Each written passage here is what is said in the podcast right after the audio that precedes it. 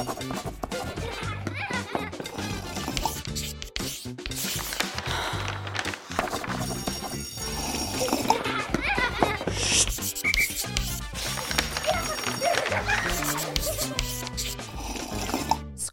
er et sted der vi håper barna våre lærer, vokser og knytter bånd. Men dessverre for noen elever så blir det også et sted der de møter fordommer, diskriminering og utfordringer knyttet til rasisme. De kjenner på skam og undertrykkelse for å være den de er, kun basert på hvordan de ser ut, hva de tror på eller hvor de kommer fra. Men hvordan kan vi prate om dette? Hvordan kan vi endre gamle holdninger, og hvorfor er det så vanskelig å finne en løsning? Dagens gjest hun er forfatter, samfunnsdebattant, slampoet og utdanna lærer. Guro Sibekko, velkommen til deg. Tusen takk. Det er veldig hyggelig å ha deg i studio. Det er veldig hyggelig å være her. Det er bra. Jeg har jo Dette her temaet har jeg på en måte gruet meg og gledet meg veldig til å prate om. Fordi det er ekstremt viktig. Eh, og så har det vært mye snakk om det før, men likevel så føler jeg kanskje at det har vært lite prat om det i skolen. Og hvordan vi kan hjelpe lærere som syns det er vanskelig å prate om, med å kanskje få en større forståelse av hvordan vi kan, om ikke løse problemet, men kanskje hvordan vi kan prate om det. Ja, jeg er veldig enig med deg i at det er altså Det er ikke det at det har vært snakka lite om, men det har vært snakka altfor lite om. Fordi skolen er jo det stedet barn i størst grad opplever rasisme. Fordi skolen er det stedet de ikke kan velge å være. Barn som opplever rasisme på fotballtreninga, de slutter på fotball. Mens barn som opplever rasisme på skolen, kan jo ikke bare slutte på skolen. Nei. Altså, noen av oss kan det. Jeg gjorde det. Men uh, ja, det er jo ikke så vanlig. Ja, kan du fortelle meg litt, hvordan var skolen for deg? Eh, Det var ganske jævlig. Mm. Uh, og det har jo ikke bare med rasisme å gjøre. Altså, jeg var litt uheldig. Uh, vokste opp på et sted med ganske store sosiale utfordringer den gangen. Altså Skjetten utafor Lillestrøm, som nå er et fabelaktig sted, var ikke det da. Uh, og eh, havna i et kull som også var eh, et spesielt vanskelig kull. Eh, så det var, det var mye greier og mye vold uh, og mye utrygghet for alle. Um, men rasismen gjorde jo at jeg ble et veldig sånn felles utpekt offer. Uh, og at jeg ikke fikk noen form for beskyttelse fra de voksne. Fordi de ikke visste at det var et problem, eller er det Jo, nei, nei, alle visste at det var et problem. Og alle visste akkurat hvor stort det problemet var. Men for det første så har du en del eh, rasistiske forestillinger som man ikke trenger å være sånn 'jeg er rasist' for å tro på, fordi vi har, vi har blitt lært disse tingene eh, i kulturen vår fra vi var små. Uh, og en av dem er jo at melaninrike mennesker har mindre behov for beskyttelse. At vi rett og slett har litt tykkere hud uh, og føler mindre smerte. Både fysisk og psykisk, egentlig. Uh, og en annen er jo at vi er litt farlige. Mm. Eh, sånn at eh, jeg på den ene siden fikk mye tyn av de voksne og ble sett på som veldig opprørsk. Eh, så snart jeg liksom prøvde å slå litt tilbake, Mm. eh, så var det jeg som var problemet. Eh, og på den andre siden så syns de egentlig at jeg bare måtte tåle veldig mye av det jeg ble utsatt for. Ja. Og så var, var det jo sånn, det veit jo alle som har jobba litt som lærere, eh, at når man har flere problemer enn man egentlig klarer med, eh, så må man for å overleve eh, Altså man må ha noen teknikker da, for å ikke gå til grunne sjøl. Og jeg tror lærerne mine hadde ganske mange teknikker som gikk ut på å bortforklare og forsvare og ikke Altså unngå for alt i verden å tenke at dette var enda en ting de måtte forholde seg til. For de hadde jo mye. Jeg skjønner jo det. Fra hvor tidlig i liksom, skolegangen var det du på en måte forsto at dette, måten disse elevene eller lærerne prater til meg på, er rasistisk? Eh, dag én. Ja. Eh, og det er jo en sånn stor fordel jeg hadde, fordi jeg har en far som kommer fra Sør-Afrika og er, eh, altså kommer fra anti-apartheid-kampen. Så jeg hadde et begrepsapparat for rasisme før jeg begynte på skolen. Og jeg kunne komme hjem til han og fortelle at de sa dette, og jeg ble skikkelig lei meg. Og han kunne si det skjønner jeg, fordi det er rasisme. Eh, I stedet for å si det bør du bare tåle, sånn som lærerne mine sa. Eh, så, så det hjalp jo på et vis. Det gjør jo at man eh, ikke føler seg så eh, gæren. Mm. For det er jo lett å tro at det er meg det er noe feil med, det er, det er jeg som er gæren. Og jeg trodde jo det òg. Uh, på ett plan, men på et annet plan så tenkte jeg at uh, det kan godt hende at jeg er gæren, men selv gærne mennesker fortjener faktisk ikke dette. Mm. Mm. Men var det i barnehagen også? Gikk du i barnehage? Jeg gikk i barnehage, uh, og det var heller ikke sånn kjempegreit bestandig. jeg gikk i, jeg flytta en del før jeg begynte på skolen, så jeg gikk i flere forskjellige barnehager. Og noen steder var det kjempefint, og noen steder var det ikke så stas. Mm. og noe av det som ikke var så stas, hadde noe med rasisme å gjøre, og noe av det hadde ikke det, Mm. på en måte. Uh, og et av de stedene hvor jeg virkelig hadde det veldig bra, uh, hadde jeg jo også på en måte problemer med rasisme, i den forstand at jeg bl.a. hadde uh, en gutt som jeg gikk sammen med, som jeg tror han hadde downs. Uh, og han skulle kontinuerlig klå meg i håret. Ja. Mm. Ikke sant? Og det var jo ikke rasisme fra hans side. Det, uh, han bare syns jo at jeg hadde et morsomt hår å ta på. Men for meg så ble det en sånn stadig En mikroaggresjon. En stadig påminnelse om at du er annerledes, du har rart hår. Mm. og det var ikke noe stas. Men i den barnehagen så hadde jeg da voksne som skjønte at det kunne være et problem for meg. Mm. og som bare flytta han, så han ikke Mm. satt ved siden av meg når vi skulle kle på oss lenger. Og sånne ting. Og det, og det er liksom Det skal ikke så mye til ofte. Uh, og det at de voksne anerkjente at det skjønner vi at du ikke syns er noe hyggelig. Uh, Mm.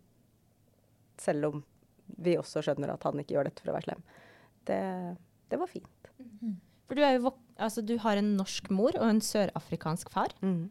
Du har jo et annet utseende enn din mor, Mm. eh, med at du er mer melaninrik, vil jeg tippe, enn det hun er. Ja. Hvordan har det vært? Ja, altså, hun eh, gikk jo da rundt med en barnevogn eh, med tre små melaninrike barn eh, i og rundt. Eh, og folk trodde jo hele tiden at vi var adopterte. Mm. Uh, og kom gjerne bort til henne uh, for å snakke med henne om de veldig veldig søte barna hennes.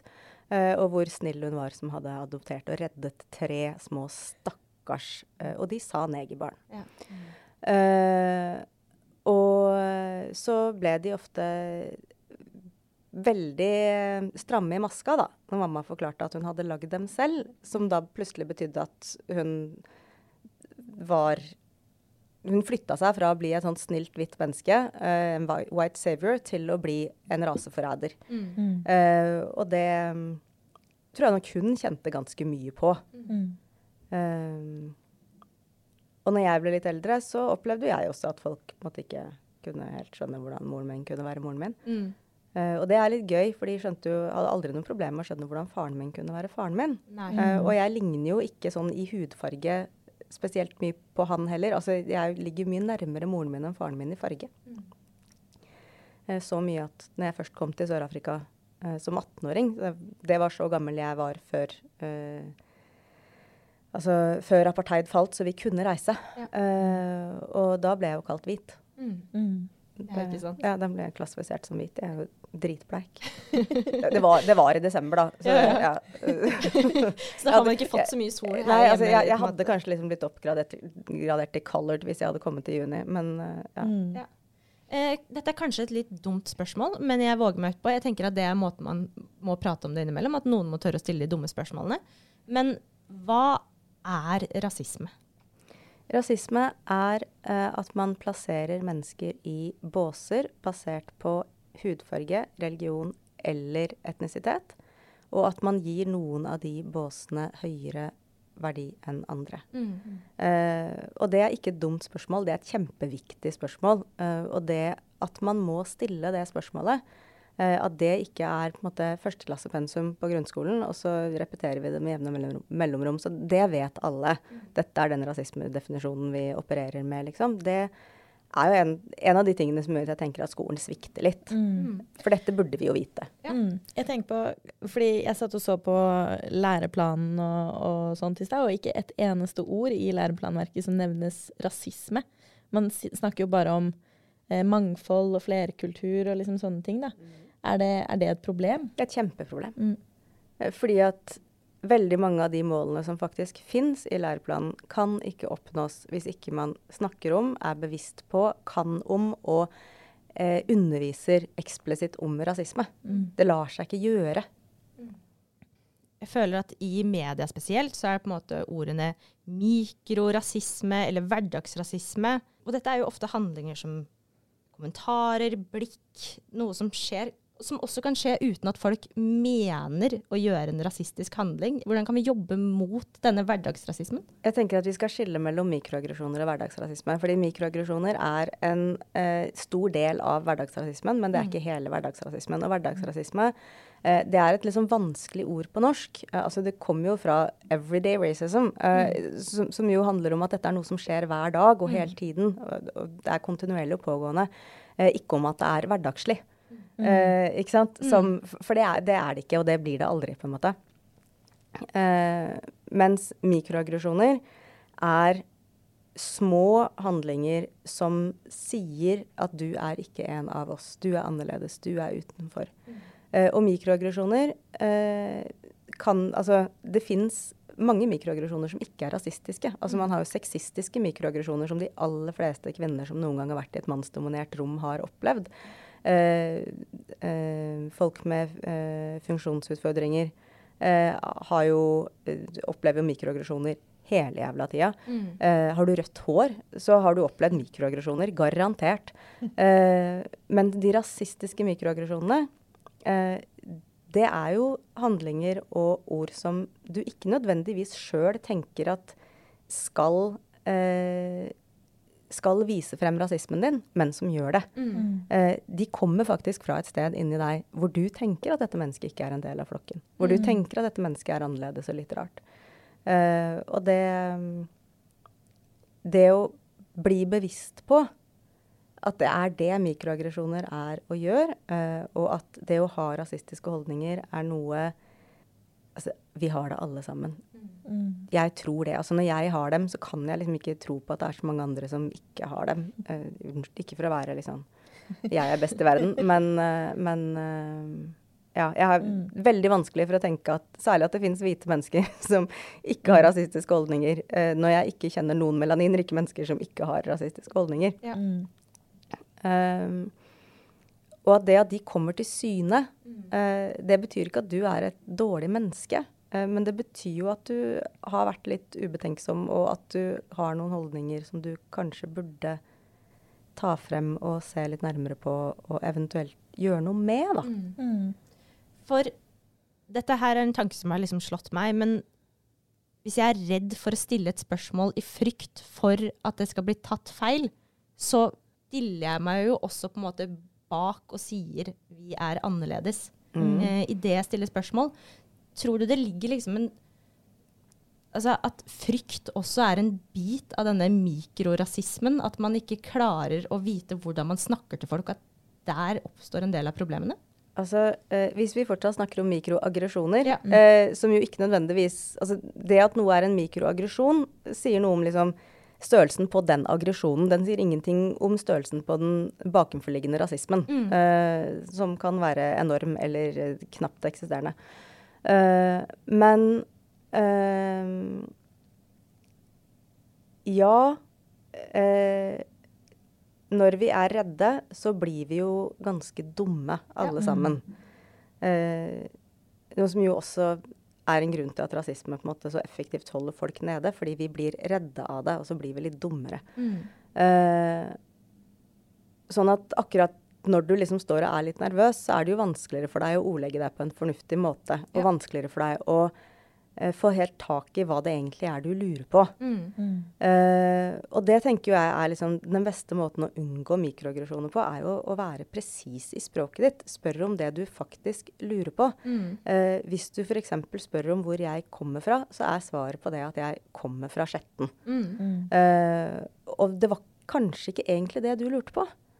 og egentlig så burde du jo visst at det kan hende at det du lurte på, ikke var hvor jeg kommer fra. For det er ingenting ved meg som tyder på at jeg kommer fra noe annet sted enn Oslo-området, liksom. Mm. Uh, så hvis det du lurer på er hvor foreldrene mine kommer fra, så kan du spørre om det. Mm. Det, det, er helt lov. Uh, men uh, og hvis du spør om det, så, så kan jeg svare deg sant uten å lage dårlig stemning. Ikke sant? Fordi at hvis du spør meg om hvor jeg kommer fra, og jeg svarer Skjetten, så blir det med en gang litt dårlig stemning. fordi da, da blir det ubehagelig, ikke sant? Uh, mens det er det som er sannheten. Så da må jeg velge mellom om jeg skal ljuge, eller om jeg skal ødelegge stemninga. Eh, så det er liksom den ene biten av det. Den andre biten er, av det er jo hvorfor lurer du på det? Mm. Uh, fordi hvis vi er i en samtale om rasisme, eller hvis vi er i en samtale om eh, barndommen vår, eller hvis vi er i en samtale om forfedrene våre, eller genetikken vår, eller altså, om vi har sigdcellanemi, eh, så er det et relevant spørsmål Ja. eh, som, som det er fornuftig å stille. Eh, mens hvis vi er en samtale som handler om at vi skal bli kjent med hverandre for første gang på en fest, og vi begge prøver å ha det hyggelig med en øl, eh, så er det jo et helt irrelevant spørsmål. Ja. Eh, og det det forteller meg, er at det eneste du ser, eller det første du ser, og det du er mest opptatt av ved meg, det er at jeg ikke er herfra, at jeg ikke er som deg, at jeg ikke er en i flokken, ikke er en av oss. Og da er det en mikroaggresjon. Og så blir det noe helt annet når jeg reiser rundt på skoler, og det gjør jeg innmari ofte. eh, og det kommer elever bort til meg og sier 'Hvor er du fra?' Eh, fordi de elevene lurer som oftest på i hvilken, altså hvor de skal plassere meg i forhold til seg selv som utlending. Fordi de ser på seg sjøl som utlendinger. De har møtt så mange mikroaggresjoner gjennom livet at de har, inn, altså de har liksom en følelse at de har ikke innpass i det norske samfunnet. De er ikke norske. Eh, de, er et, de har lagd sitt eget vi, som er vi utlendingene.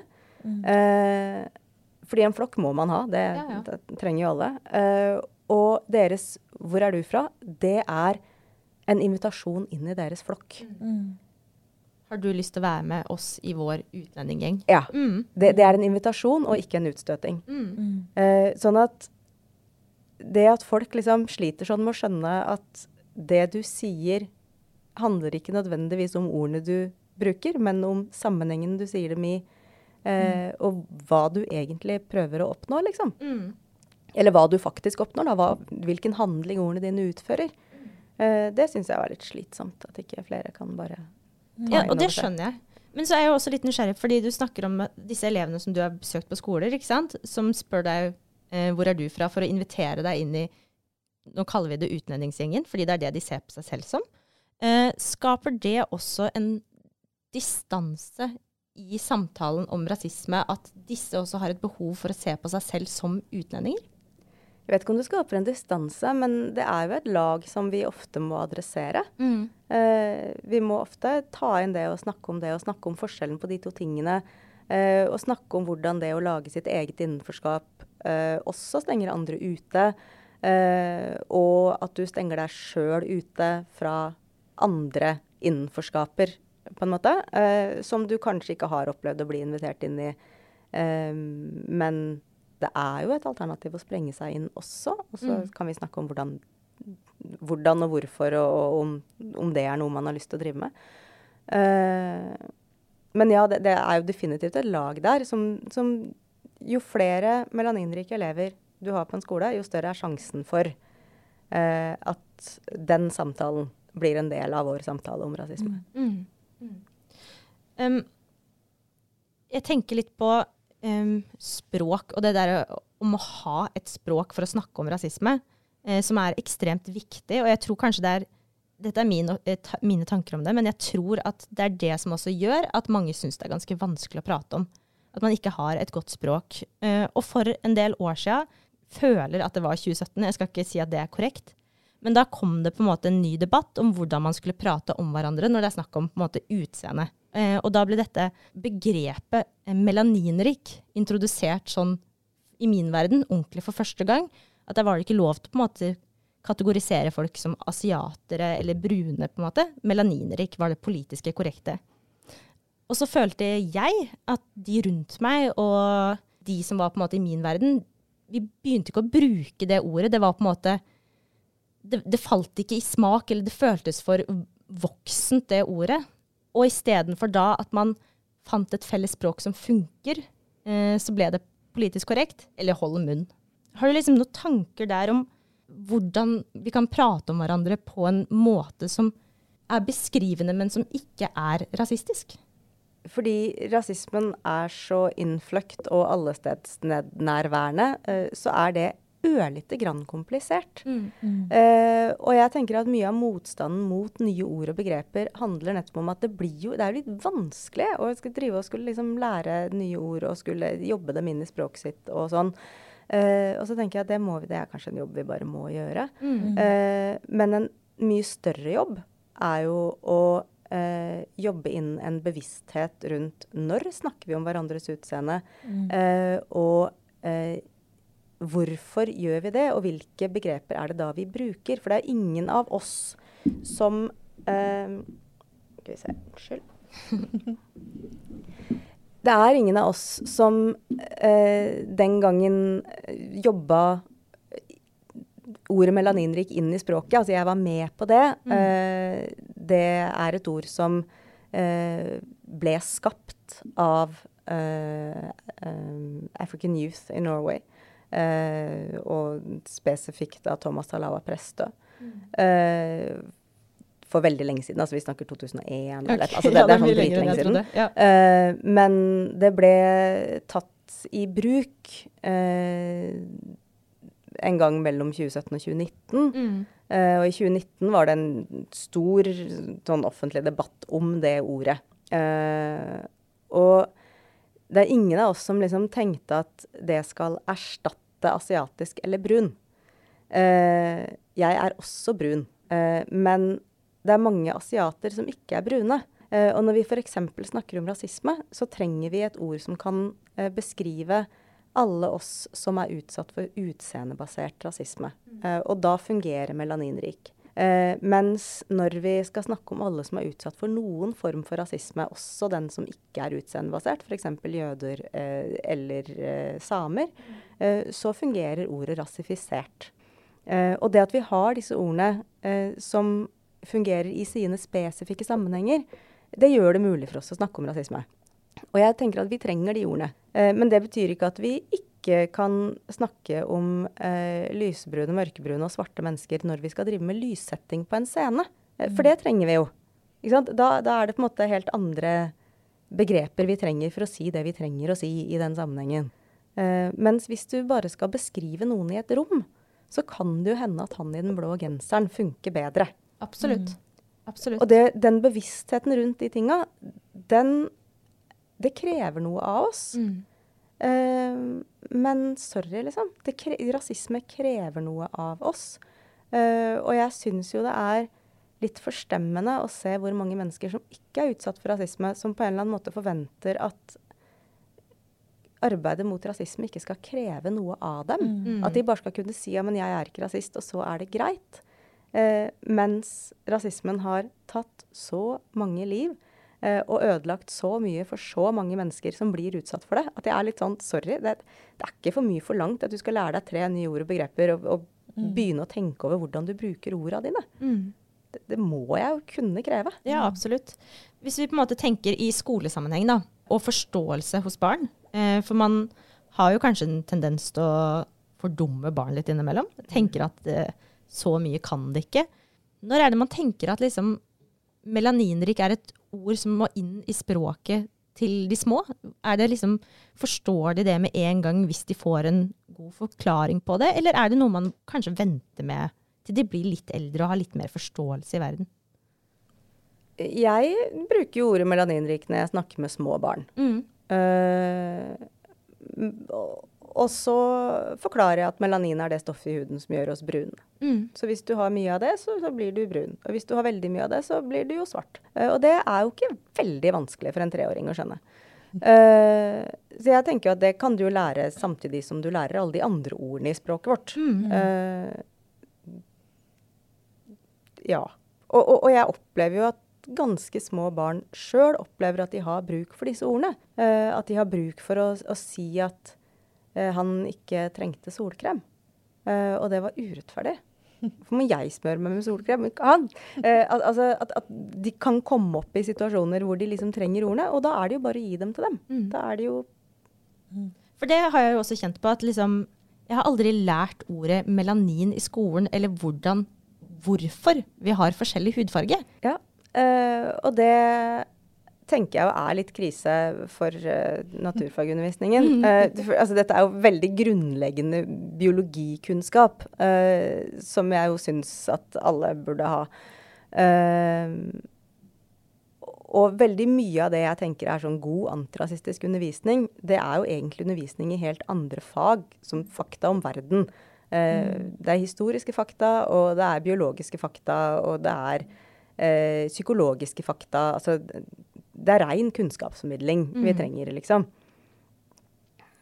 F.eks. om melanin, øh, og om hvordan øh, distribusjonen av melanin mellom folkegrupper ikke forteller noen ting om distribusjonen av andre egenskaper, verken fysiologiske eller psykologiske, hos de folkegruppene. Mm. Uh, for det er vi jo lært opp til å tro. ikke sant? Vi er lært opp til å tenke at uh, at, at utseendet henger sammen med veldig mange andre egenskaper.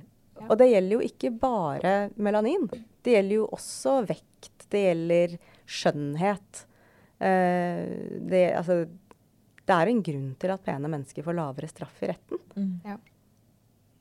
Det er jo altså, pretty det privilege. Det er helt hårreisende, men ja. det er en hårreisende ja, ja. ting, men det er veldig reelt. For noen som ikke har opplevd rasisme selv, men har vært vitne vitner til det, eller eh, har lyst til å være en antirasist og en, og en alliert, hvordan kan man best mulig hjelpe til i denne kampen mot rasisme? Du kan lære så mye du klarer om rasisme. Mm. Uh, og nå er det jo skrevet en del gode bøker på norsk om rasisme. Mm. Uh, og jeg syns du skal lese alle. Uh, I hvert fall så mange du klarer. Og når du gjør det, så kan du jo lese det med blikk på ditt liv. Fordi rasismen er overalt, og det betyr at den må bekjempes overalt. Og det høres jo veldig slitsomt ut. Eh, men det betyr også at den kan bekjempes av alle overalt. Altså der du tilfeldigvis uansett befinner deg. Mm. Så hvis du f.eks. er lærer, eller har tenkt å bli lærer, så bør du jo lese disse bøkene med et blikk for hvordan kan jeg bruke dette i skolen? Mm. Hva mm. betyr dette for min praksis som lærer? Uh, og så tenker jeg at uansett om du er lærer eller ikke, uh, så er det å gi den kunnskapen du har videre, og diskutere det med de folka du tilfeldigvis uansett har rundt deg, fordi alle trenger det, også de, det er viktig. Og det er lett arbeid å gjøre. Det er mye lettere enn å liksom tenke at jeg skal forandre hele livet mitt fordi jeg skal bidra til å knuse rasisme. Du trenger ikke det. Du trenger ikke forandre på noe særlig i det hele tatt. Du kan bare gjøre den jobben der hvor du er. Men det betyr også at jeg kan ikke sitte her og si 'gjør sånn'. Mm. Fordi jeg vet ikke hvordan livet ditt er. Så jeg vet ikke hva som er den mest effektive måten for deg å jobbe på. Og jeg vet ikke hvordan du er, og det er også kjempeviktig. ikke sant? At du og jeg vil sannsynligvis eh, gå inn i kampen mot rasisme på helt ulike måter, fordi vi er helt ulike individer. Jeg er et konfronterende, sint menneske som er opptatt av språk, så jeg skriver sinte ting om rasisme. Mm. Uh, mens du virker i hvert fall veldig mye snillere enn meg. Uh, så da må du kanskje finne andre måter å jobbe på. Ja. Og vi trenger alle måtene å jobbe på. Så alt det er bra. Når du sier at du er sint og konfronterende, har du alltid vært det, eller har du blitt det med årene? Eh, det er eh, ekstremt vanskelig å svare på. Eh, og det her er jo et sånt generelt traumespørsmål, ikke sant. Altså når man utsettes for mye traumer i barndommen, og særlig tidlig barndom, eh, så vet man jo ikke hvem man var uten. Jeg vet ikke hvem jeg hadde vært uten rasisme. jeg blir fortalt at jeg var et ekstremt snilt barn som lurte alle vennene til foreldrene mine til å få barn fordi de trodde at barn var sånn som meg. uh, det, det er, barn skriker visst ofte mer enn jeg gjorde. Uh, altså noen av mine aller første minner handler jo om rasisme. Uh, og jeg ble jo utsatt for også mye vold ganske tidlig i livet. Og jeg husker jo liksom at jeg ikke at jeg ble lei meg, og at jeg gråt, at jeg kom hjem til pappa og ikke på en måte visste hvordan jeg skulle håndtere at jeg fikk juling. Eh, og det får meg til å tro at jeg, det, svaret er kanskje at jeg har blitt konfronterende. Mm. Eh, men også at jeg har blitt oppdratt til det, for jeg, faren min tok meg da for seg og lærte meg hvordan man skal knuse neser uten å drepe folk. Ja. det er viktig at du ikke slår nesebeinet opp i hjernen. Eh, så, så jeg har jo på en måte Ja. Eh, da var jeg seks eller sju år. Eh, så, så, jeg har jo på en måte også fått et oppdragelse som sier at du legger deg ikke bare ned og tar det. Nei. Jeg har bare lagt merke til at når vi nå på en måte har prata om rasisme, så har du nevnt faren din. Eh, er det alltid han du har søkt trygghet hos for den praten? Uh, nei, altså jeg har nok snakka med begge foreldrene mine, men faren min hadde flere løsninger å by på. Mm. Uh, kanskje fordi han var mer konfronterende, da. Der hvor, uh, hvor jeg nok opplevde at moren min var mer sånn Hun var jo mer norsk. Mm. Uh, så mer sånn La oss finne noen fredelige løsninger på dette, eller måter å utholde det på.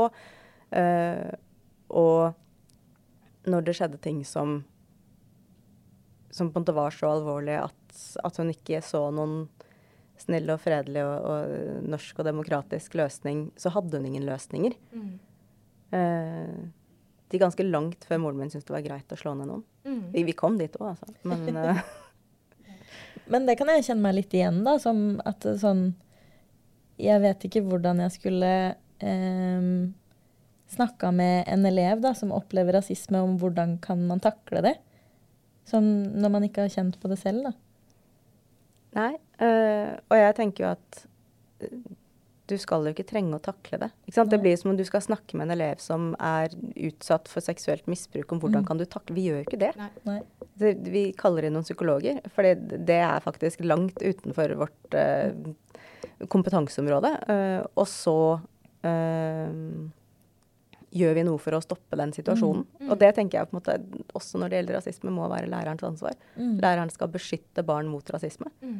Eh, og hvis det er sånn at barn trenger hjelp med rasismerelaterte traumer, uh, eller hjelp til å håndtere en pågående traumatisk situasjon, uh, så er det i alle fall helsesykepleiere og aller helst en psykolog som Mm. skal inn og, og gjøre den jobben. Og så er det et kjempeproblem at helsesykepleiere heller ikke har kunnskap om rasisme og Mm, rasismerelaterte traumer. Uh, og at eh, det antallet psykologer som kan noe om dette, kan telles på én hånd med amputerte fingre. Uh, så det er jo ikke bare i skolen at vi har et problem. Nei, nei, Nei. absolutt ikke. Uh, det er jo også andre profesjoner som virkelig trenger å ta seg i et tak. Mm. Mm. Jeg har Bestevenninnen min hun er lærer, og vi har liksom snakket litt om dette her før vi spiller inn denne episoden. Eh, der jeg stilte henne spørsmålet med hvordan Eller når er det du tar opp tematikken rasisme? For hun er førskolelærer eh, på det minste trinnet. Eh, og så sa hun det at hun, hun visste ikke helt når hun skulle ta opp denne samtalen, men hun regnet kanskje med at det kom til å skje etter at det har skjedd noe rasistisk i klassen. Altså at noen av barna har opplevd det. Det syns jeg er veldig dumt. Ja.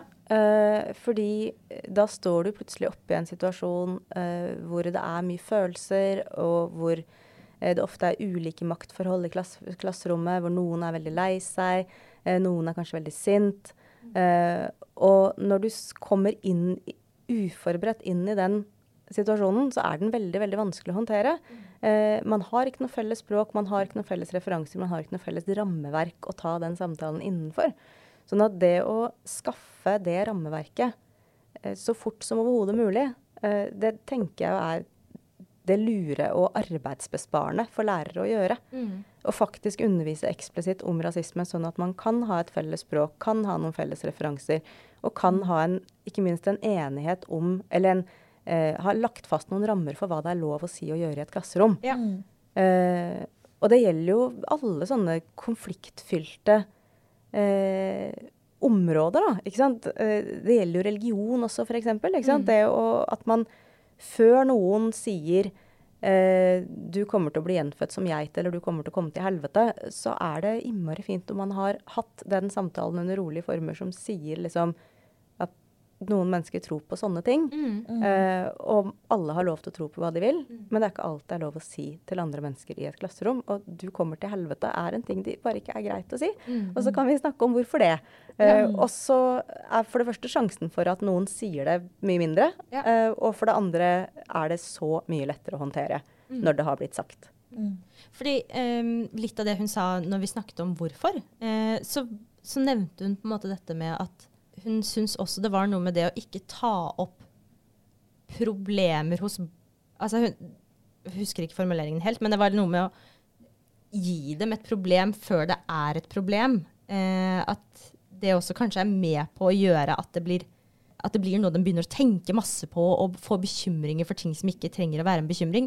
Men er det på en måte, er det en naiv tanke å ha?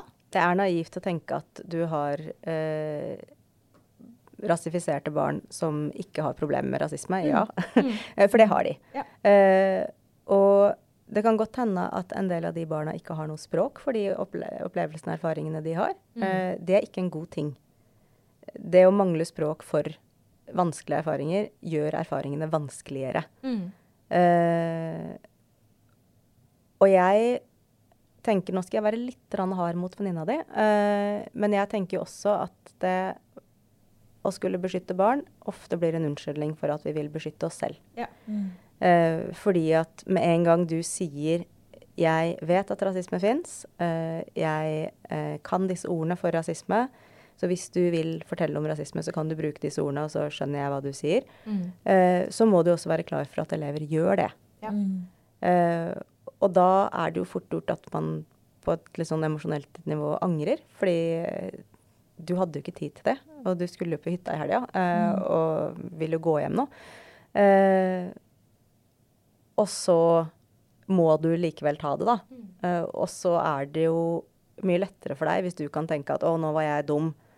Eh, fordi dette hadde sikkert ikke vært noe problem hvis bare ikke jeg hadde tatt det opp. Ja. Mm. Eh, enn hvis du skal tenke at eh, her har jeg en elev som kanskje har hatt dette problemet lenge, men ikke har hatt noe språk for det, og det må jeg adressere på en ordentlig måte. Mm. Mm.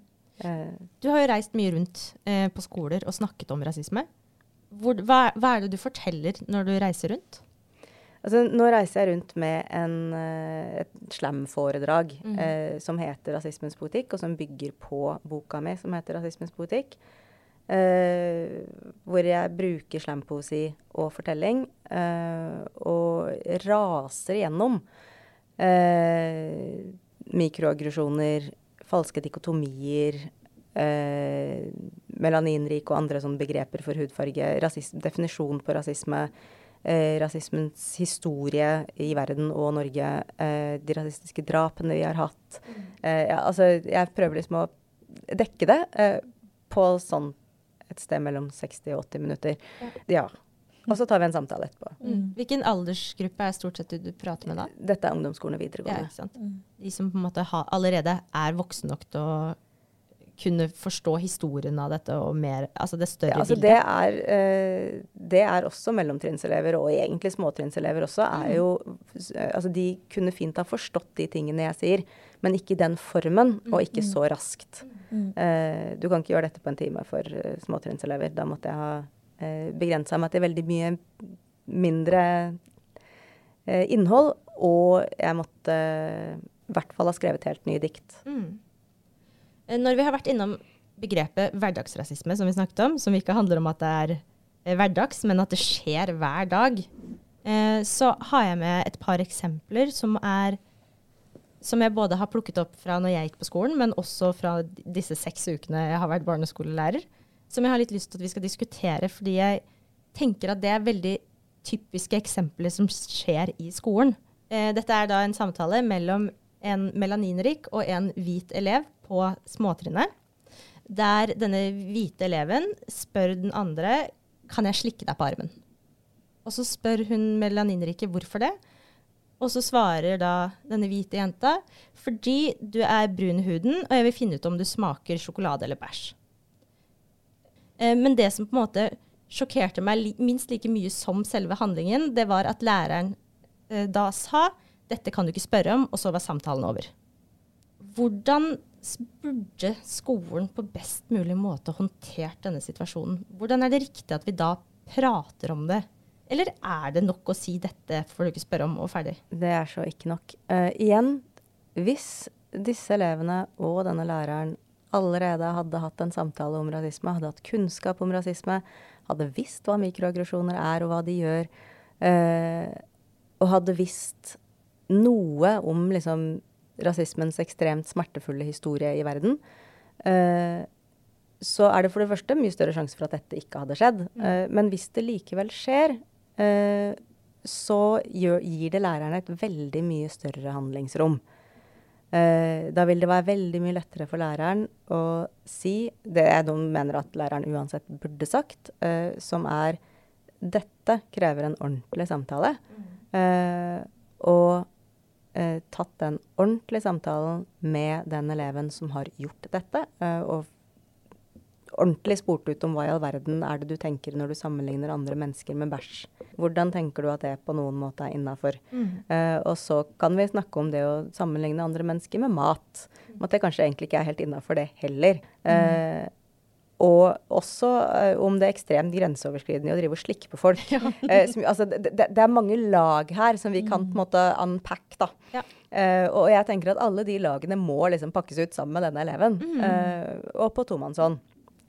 Og det er ikke noe den andre eleven trenger å involveres i i det hele tatt. Eh, men det den andre eleven bør få, er jo en samtale som sier 'jeg så at dette skjedde', og jeg tenker at det må ha vært ekstremt ubehagelig for deg. Uh, og jeg lurer på om du har opplevd flere sånne ting, om det er, altså om det er ting du har lyst til å snakke med meg om. Mm. Om det er noe uh, du kan tenke deg å snakke med helsesykepleier om. Om det er noe du ønsker at foreldrene dine skal få vite om. uh, og om det, er, om det er sånn at dette er et problem som vi på skolen trenger å ta tak i Mm. litt sånn større. Mm. Eh, for den anerkjennelsen, altså sannsynligheten for at det, den ungen sier 'nei, ikke i det hele tatt, jeg vil ikke snakke om det', er kjempestor. Mm. Eh, men den anerkjennelsen for at du har opplevd noe, det var kjempeproblematisk, eh, og villigheten til å ta tak i det, hvis du ønsker at jeg skal ta tak i det, er superviktig. Mm. Fordi veldig, veldig mange elever, og altså mennesker, eh, opplever jo kontinuerlig gaslighting. ikke sant? Du blir jo hele tiden ikke trodd, og du blir hele tiden ikke anerkjent. Og folk står rundt og ser på at de mest groteske ting skjer, Mm. og det sies ingenting. Eh, elever blir drukna i skolebassenget. Altså man blir holdt under vann til man må plukkes opp fra bunnen av læreren, og så blir man sendt hjem. Eh, og så er det ingen som forteller foreldrene dine at dette var en del av et rasistisk angrep. Og så kommer du på skolen dagen etterpå, og så er det ingen som spør hvordan det går med deg. De opplevelsene, liksom, de gjør jo at man man begynner å tvile på seg sjøl og sin egen oppfatning av verden. Det, altså, det er jo ikke til å tro at Var det ingen som så det? Skjedde det ikke egentlig? Er det, er det bare jeg som innbiller meg ting? Er jeg bare ekstremt hårsår? Alle sier at jeg er ekstremt hårsår. Og det er superskadelig. Mm. Og det er også innmari skadelig for barns evne til å lære ting. Sånn at altså, det er så kontraproduktivt for en lærer. Mm. Eh, det er superviktig at lærere anerkjenner at dette skjedde, eh, og at man sier seg villig til å, å gjøre noe med det. Mm. Du som har vært lærer selv, har du sett og opplevd at lærere skyver rasismeproblemet under teppet? Absolutt. Ja. Og jeg har gjort det sjøl. Vi har en ekstremt hektisk hverdag. Det er så jævlig slitsomt å være lærer. Eh, og ofte står man i situasjoner hvor man må prioritere, og noen ganger må man prioritere andre ting. Mm. Eh, men det der med prioritering, det er jo noe med at ja, no, du skal prioritere ut ifra hva som er viktig. Men du skal også prioritere ut ifra liksom, mengden krefter det koster. Mm. Hvis noe sånn halvviktig koster ekstremt mye, så havner det lavere ned på prioriteringa enn hvis det koster veldig lite. Mm. Eh, fordi at det, da tar det jo mer plass, og tar, tar bort plassen fra flere andre ting som er kjempeviktig. Uh, sånn at eh, det er ikke noe det er ikke noe feil i å prioritere. Altså det er feil at vi må det. det Mm. Ressurssituasjonen i skolen er forferdelig. Men eh, for den enkelte læreren som står i det, så er det ikke sånn at, at det er ondskapsfullt å prioritere. Eh, men hvis man liksom ender opp med å stadig vekk prioritere bort rasisme, eh, fordi at det er for vanskelig for meg å håndtere, Mm. eh, når det burde være lett Det burde ikke være vanskelig. Og det er fryktelig, fryktelig viktig. Mm. Så må du på en måte gjøre en jobb med deg sjøl, Mm. sånn at det kan bli litt lettere. Da må du lære mer, og så må du øve mer, og så blir det jo lettere. Er det alltid OK for en lærer å spørre elever har du opplevd noe rasistisk, så må du så gjerne snakke med meg om det på bak, altså bare på bakgrunn av at du har annen etnisitet, hudfarge, religion. Nei, det tenker jeg ikke. Eh, jeg tenker at du bør ha en grunn til å si det. Altså, du kan si det i klassen. Du kan, Mm. du kan si det i plenum, liksom. Eh, at eh, jeg vet at rasisme fins. jeg er her for å lytte og prøve å hjelpe hvis noen har lyst til å komme og snakke med meg om det. Eh, og det er klart at det er ikke en option du har hvis du har én melaninrik elev i klassen din. Men altså, hvis du skal si dette til en enkelt elev, så tenker jeg jo at da må du nesten finne på en unnskyldning. Ja.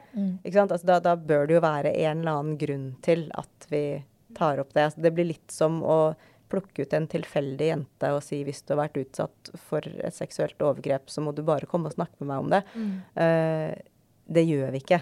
Mens hvis vi har elever som oppfører seg rart eller gjør rare ting, så, så går det jo plutselig an å, å si 'jeg ser dette og dette og dette', uh, og jeg har 15 forskjellige forklaringer i hodet mitt på hva som kan ha skjedd, og noen av dem er veldig alvorlige, og noen av dem er liksom at du har sovet for lite. Men bare vite at jeg, jeg vil gjerne vite, og jeg vil gjerne hjelpe deg. Eh, og de aller fleste elever har jo av og til sovet for lite. Ja. Så de aller fleste elever går det jo av og til an å si at nå ser jeg at du gjør sånn og sånn, du sitter og vipper med øya, og du følger ikke helt med, og du virker litt utafor og ser litt lei deg ut. Du kan ha ikke sovet. Det kan også ha skjedd noe med deg. Jeg lytter. Et annet eksempel som jeg har litt lyst til å diskutere med deg, det er det er flere barn som er melaninrike nå enn det det var for 20-30 år siden, som er kjempebra. Og det er på flere skoler. Det er ikke bare Oslo øst det er, det er tilfellet nå. Altså, er det rasistisk hvis den samme eleven opplever at lærerne aldri klarer å uttale navnet ditt riktig? Det kan det være. Mm. Det må jo ikke være det. Uh, men altså ideen om at noen mennesker er viktigere enn andre, fører jo også til at noen navn blir viktigere enn andre. Mm. Så, så det er klart det ligger noe der. Men det er også noe med at det gjør at noen elever bruker en slags overlevelses- eller mestringsstrategi som handler om at de absolutt ikke er opptatt av at andre skal uttale navnet deres riktig. Så de eh, vil ikke rette, vil ikke Det er samme Kall meg Joe. Mm. Eh, ikke sant? Eh, og, og da har du jo heller ikke sjans. Altså eh, Jeg kan ikke gjette eh, på hvordan et malaysisk navn skal uttales. Eh, og fordi altså, mange språk har et, altså, har et lydsystem som jeg ikke kjenner fra før, så vil det kreve noe av meg å lære meg å si ting riktig, for jeg hører jo faen ikke forskjell. Mm. Eh, og det Det krever jo et samarbeid. Det krever jo at noen gidder å lære deg det. Eh, og hvis ingen gidder å lære deg det, så får du jo ikke gjort noe med det. på en måte. Det, du kan prøve Google Translate og håpe at de har et forslag. Men det, altså, vi kan gjøre det vi kan. Og jeg syns det er viktig at vi gjør det vi kan. Jeg tenker jo at når, når lærere ikke klarer å, å kalle noen eh, Markus istedenfor Markus, f.eks. eksempel, Eh, det klarer vi alle. Vi, vi har forskjell mellom sjøs på norsk også, eh, og det, det får du til. Men eh, så finnes det jo navn som er, Helt annerledes. som er helt Ja. Altså, eh, jeg har jo venner som heter Bakwa til etternavn. Mm. Eh, og jeg skjønner jo at folk må faktisk trene litt hvis de skal klare å si Bakwa. Mm. Der vi heller kanskje ville sagt bakwa, og så får man høre at det er feil uttalelse forhold til Ja, Ja. ikke sant? Ja. Og, så- og da tenker jeg jo at det må jo være opp til barna og foreldrene om det er så viktig for dem at de gidder, eh, Mm. eller om det Men det er det å møte, møte elevene med den respekten av at man enten prøver eller spør, og, og også da på en måte håper å få et ærlig svar på eh, at det går fint Ja. at du sier det på den måten. Ja. Ja. Og at man i alle fall uh, husker hva navnet er. Mm. For det er også noe, ikke sant. Det er så lett å huske at noen heter Ina, og så er det vanskeligere å huske at noen har et navn du aldri har hørt før. Mm. Uh, det krever at du øver. Uh, og den øvingen, den tenker jeg at vi bare alle må ta. Mm. Om vi uttaler det feil, ja vel, men vi må huske hva folk heter. Mm. Og det sier jeg som er utrolig dårlig til å huske at folk heter Ina. Uh, altså, Ja. ja. Jeg har et eksempel til som jeg har litt lyst til å prate med deg om. Og det er en opplevelse jeg sjøl opplevde når jeg gikk på ungdomsskolen. Eh, for da hadde vi to jenter i klassen med samme navn. Og forskjellen var at hun ene var melaninrik, og hun andre var hvit. Eh, og på et tidspunkt så endret det seg fra at La oss si at rektor skulle prate med den ene av dem. Da endret det seg fra at læreren vår sa eh, ja, det er hun brune, til at det er ja, det er hun som ikke er hvit. Uh. Og det merka at jeg syntes var sånn rart å skulle si at hvorfor er det For det var det jeg opplevde det som. Hvorfor skal man si at det er mer rasistisk å kalle noen for brun, som er, er en hudfarge, enn å på en måte bruke ekskluderingsmetoden på det ikke-hvite mennesket på no Ja, nei, eh, det syns jeg jo ikke at det er. Eh, snarere tvert imot. Altså, det å bli definert ut fra hva du ikke er, Mm. eh, er jo ikke noe stas.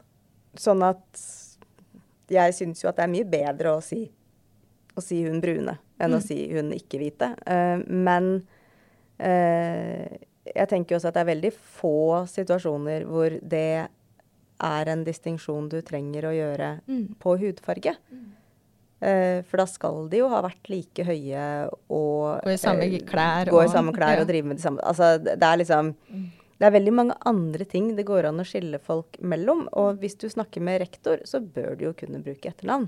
Ja, absolutt. Det, altså, vanligvis når vi skal skille elever med samme navn, så putter vi jo på en bokstav. Mm. Det er Hanna R eller Hanna L, liksom. Ja. Mm.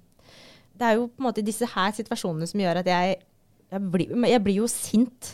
Eh, og jeg husker spesielt at jeg ble veldig sint når dette skjedde, fordi at det, det, det er første gang jeg på en måte følte at jeg av min hudfarge har blitt satt på noe pidestall eller blitt satt over de andre elevene i klassen, som ikke har gitt mening for meg eh, i min oppvekst.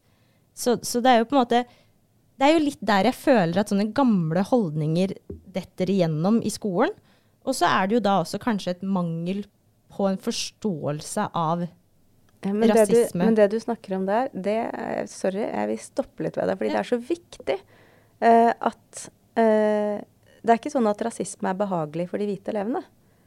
Det er kjempeubehagelig å bli plassert i den situasjonen. Uh, det er kjempeubehagelig å få en eller annen form for status eller fordeler. Og kanskje aller mest ubehagelig å bare få status og faen ikke få noen fordeler av det engang. Tjener ingenting på det. Det er bare ekkelt. Ja.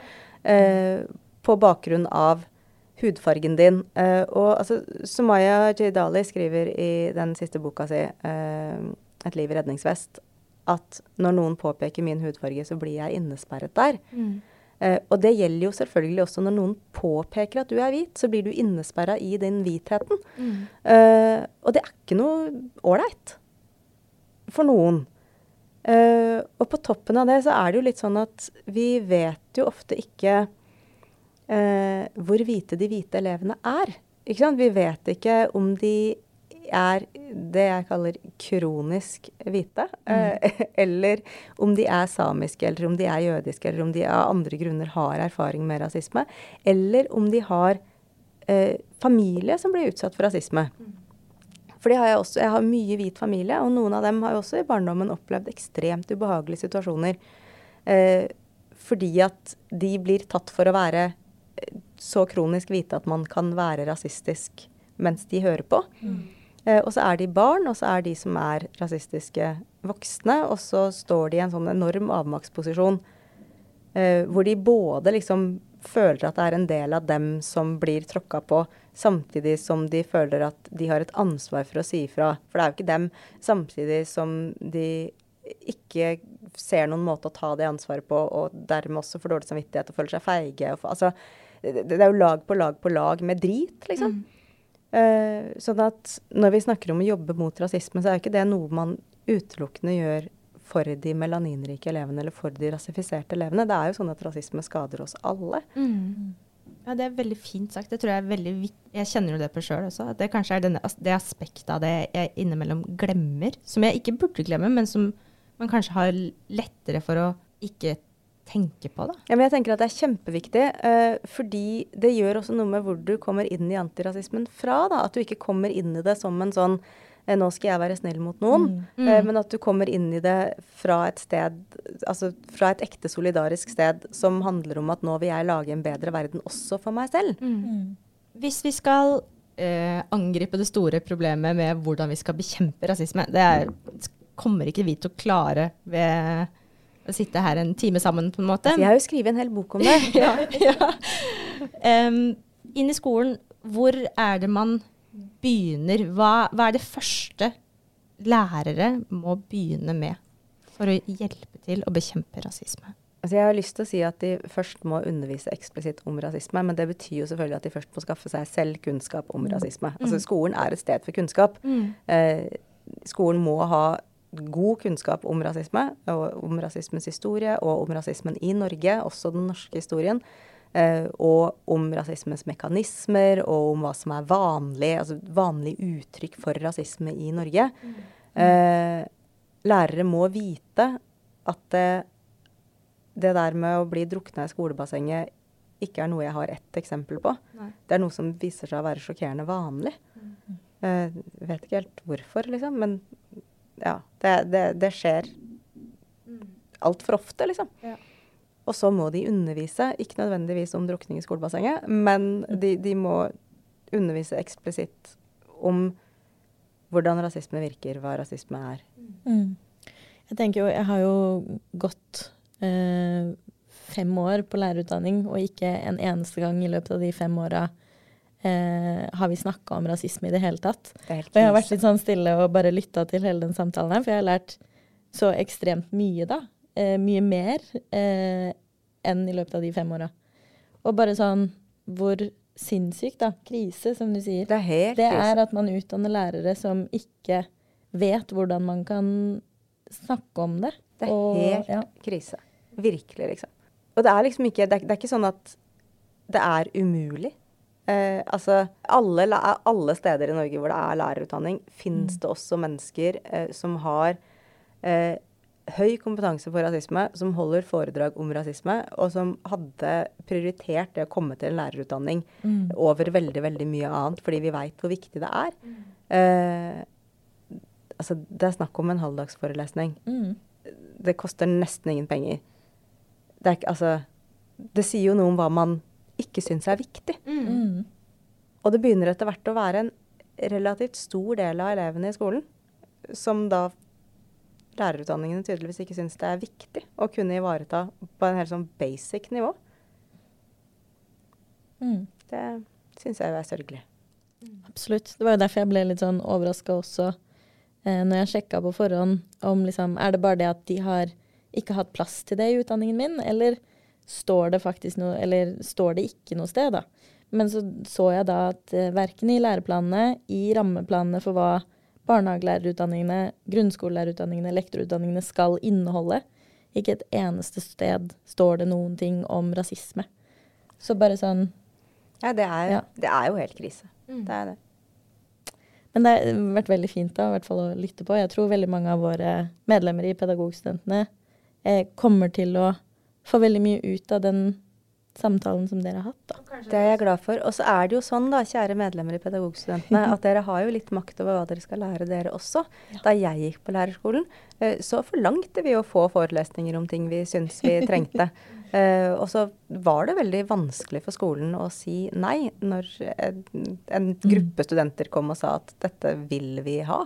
Og der er det vel altså, litt igjen det her med at når man skal ta opp dette problemet, så er man om at det ikke læres om i skolen, eh, i utdanningen til å skulle lære barn om livet, eh, så er man på en måte nødt til at det er en felles kamp. Det er, det er ikke bare de som er melaninrike, eller som har foreldre fra et annet land eller en annen kultur eller religion, som skal ta dette problemet. Det er like viktig eh, at det også kommer fra oss som har Ja, ofte er det jo viktigere, fordi eh, rasismens historie har jo sørga for at hvite folk har mest makt og mest penger. Mm. Eh, og dermed kan gjøre mest. Eh, så heldigvis er dere i mindretall. Eh, men fortsatt så er det jo sånn at eh, i Norge, da, eh, så er det jo helt klart viktigst at hvite folk slåss mot rasisme. Mm. Eh, og som jeg sa i stad, det å gjøre det der du er mens du gjør det du uansett skulle gjøre, f.eks. mens du går på skolen eh, og uansett skal ha forelesninger. Så det å liksom lobbe inn en forelesning om rasisme, det, det klarer du. Mm. Mm. Da har vi kommet et lite stykke lenger, har Ja. vi ikke det? Jo, det syns jeg vi er. Så bra. Tusen, tusen takk for at du har tatt deg tiden til å sitte her sammen med oss, Guro Sibeko. Takk for invitasjonen.